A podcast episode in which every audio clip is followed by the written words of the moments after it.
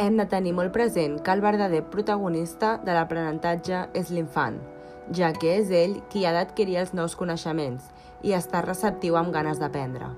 La tasca de l'adult és proporcionar els mitjans necessaris i incentivar aquests anells de voler saber més. És molt important també convertir l'alumnat amb, el subjecte actiu del procés ensenyament-aprenentatge. Un bon exemple seria ens trobem en una classe d'infantil a principis de curs i és el moment de començar un projecte que es desenvoluparà durant el, el trimestre.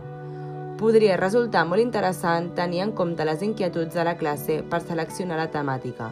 Així, d'una banda, els fas partíceps en el procés de seleccionar el projecte i, d'altra banda, també es té en compte la seva curiositat i les ganes d'endinsar-se en aquest projecte, que no seran les mateixes si hagués proposat un projecte sense tenir els infants presents.